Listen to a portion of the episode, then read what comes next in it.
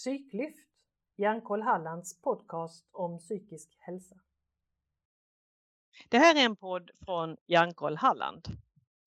Under några avsnitt ska vi höra smakprov från en av Hjärnkolls ambassadörer och idag ska jag prata med Peter.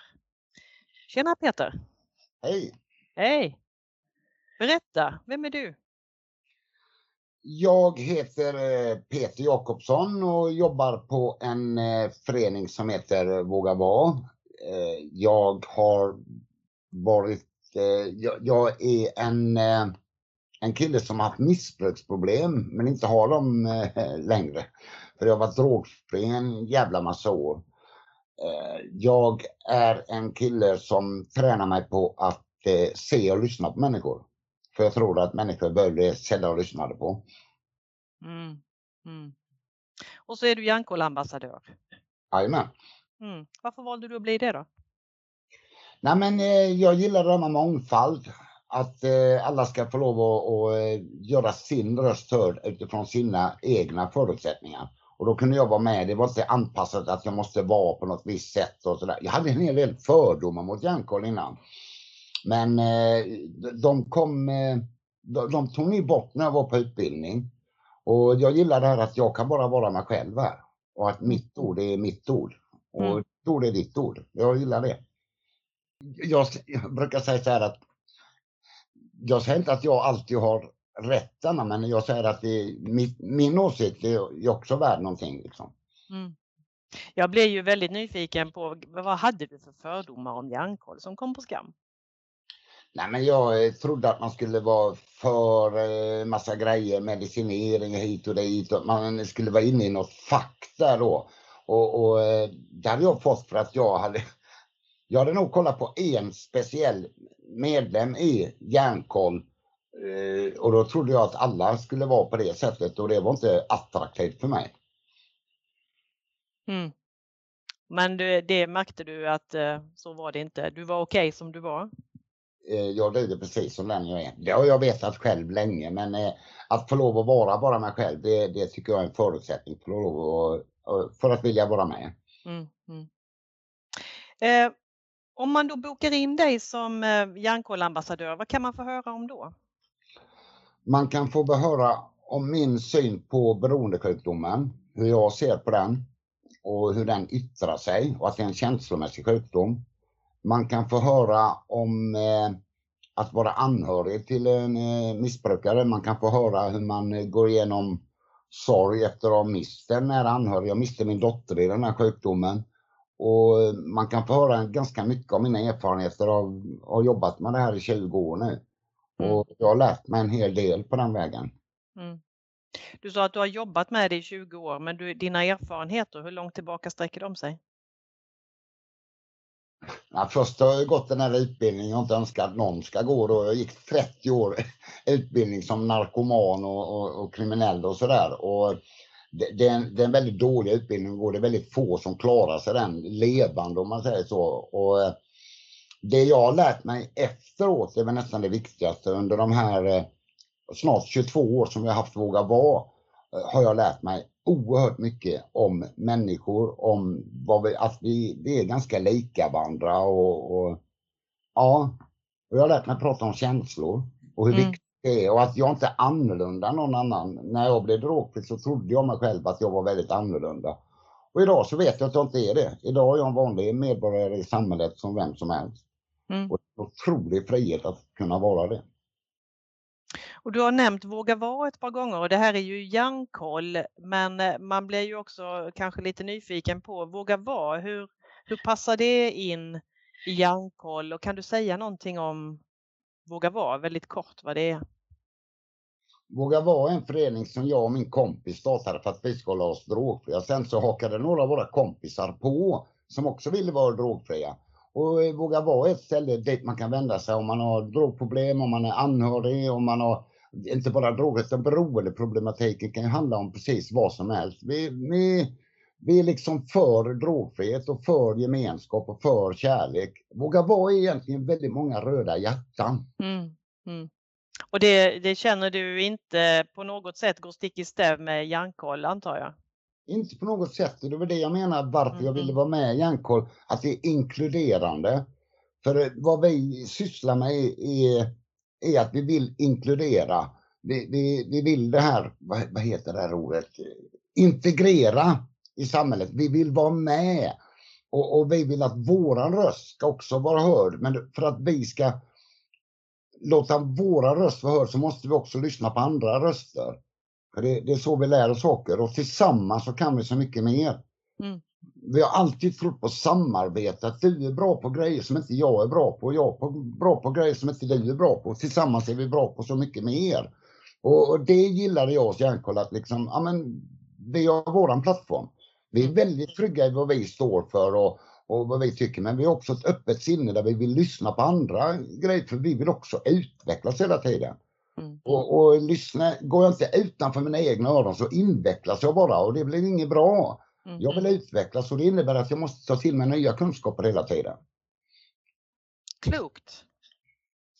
Eh, du berättade ju eh, om, om eh, trådar, ämnen som man kan höra om man bokar in dig som eh, ambassadör. Har du något guldkorn som du tänker att du skulle kunna dela med dig av väldigt kort i den här podden för de som lyssnar?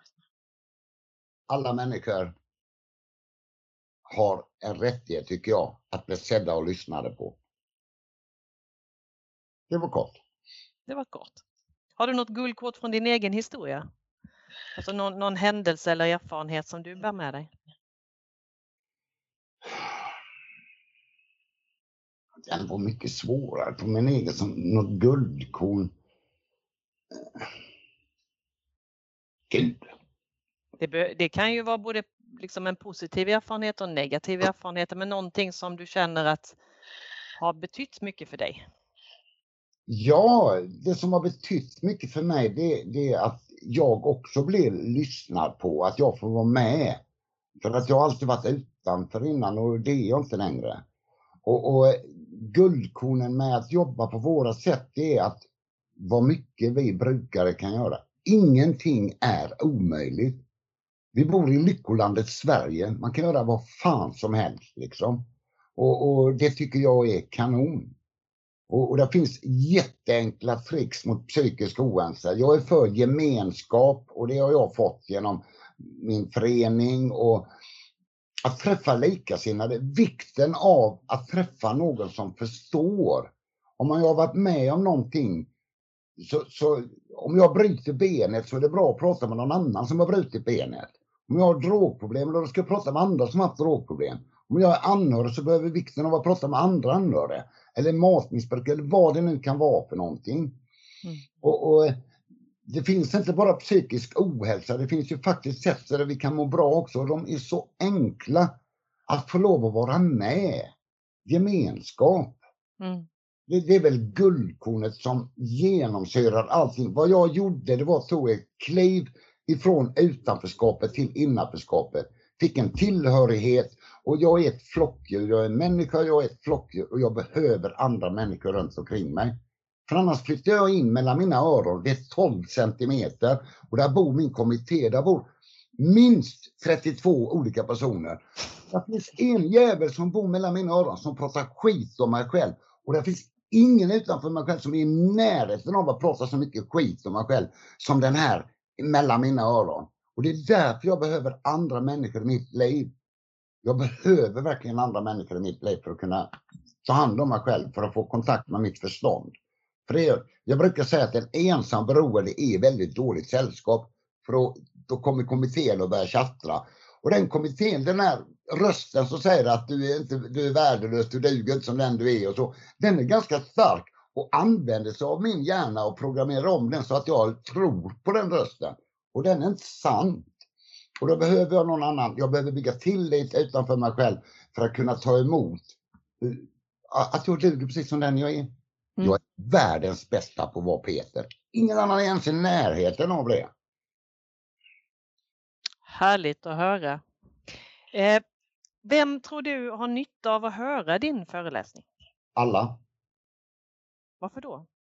Det handlar om att vara människa. Mm. Det handlar om vad vi gör med våra känslor.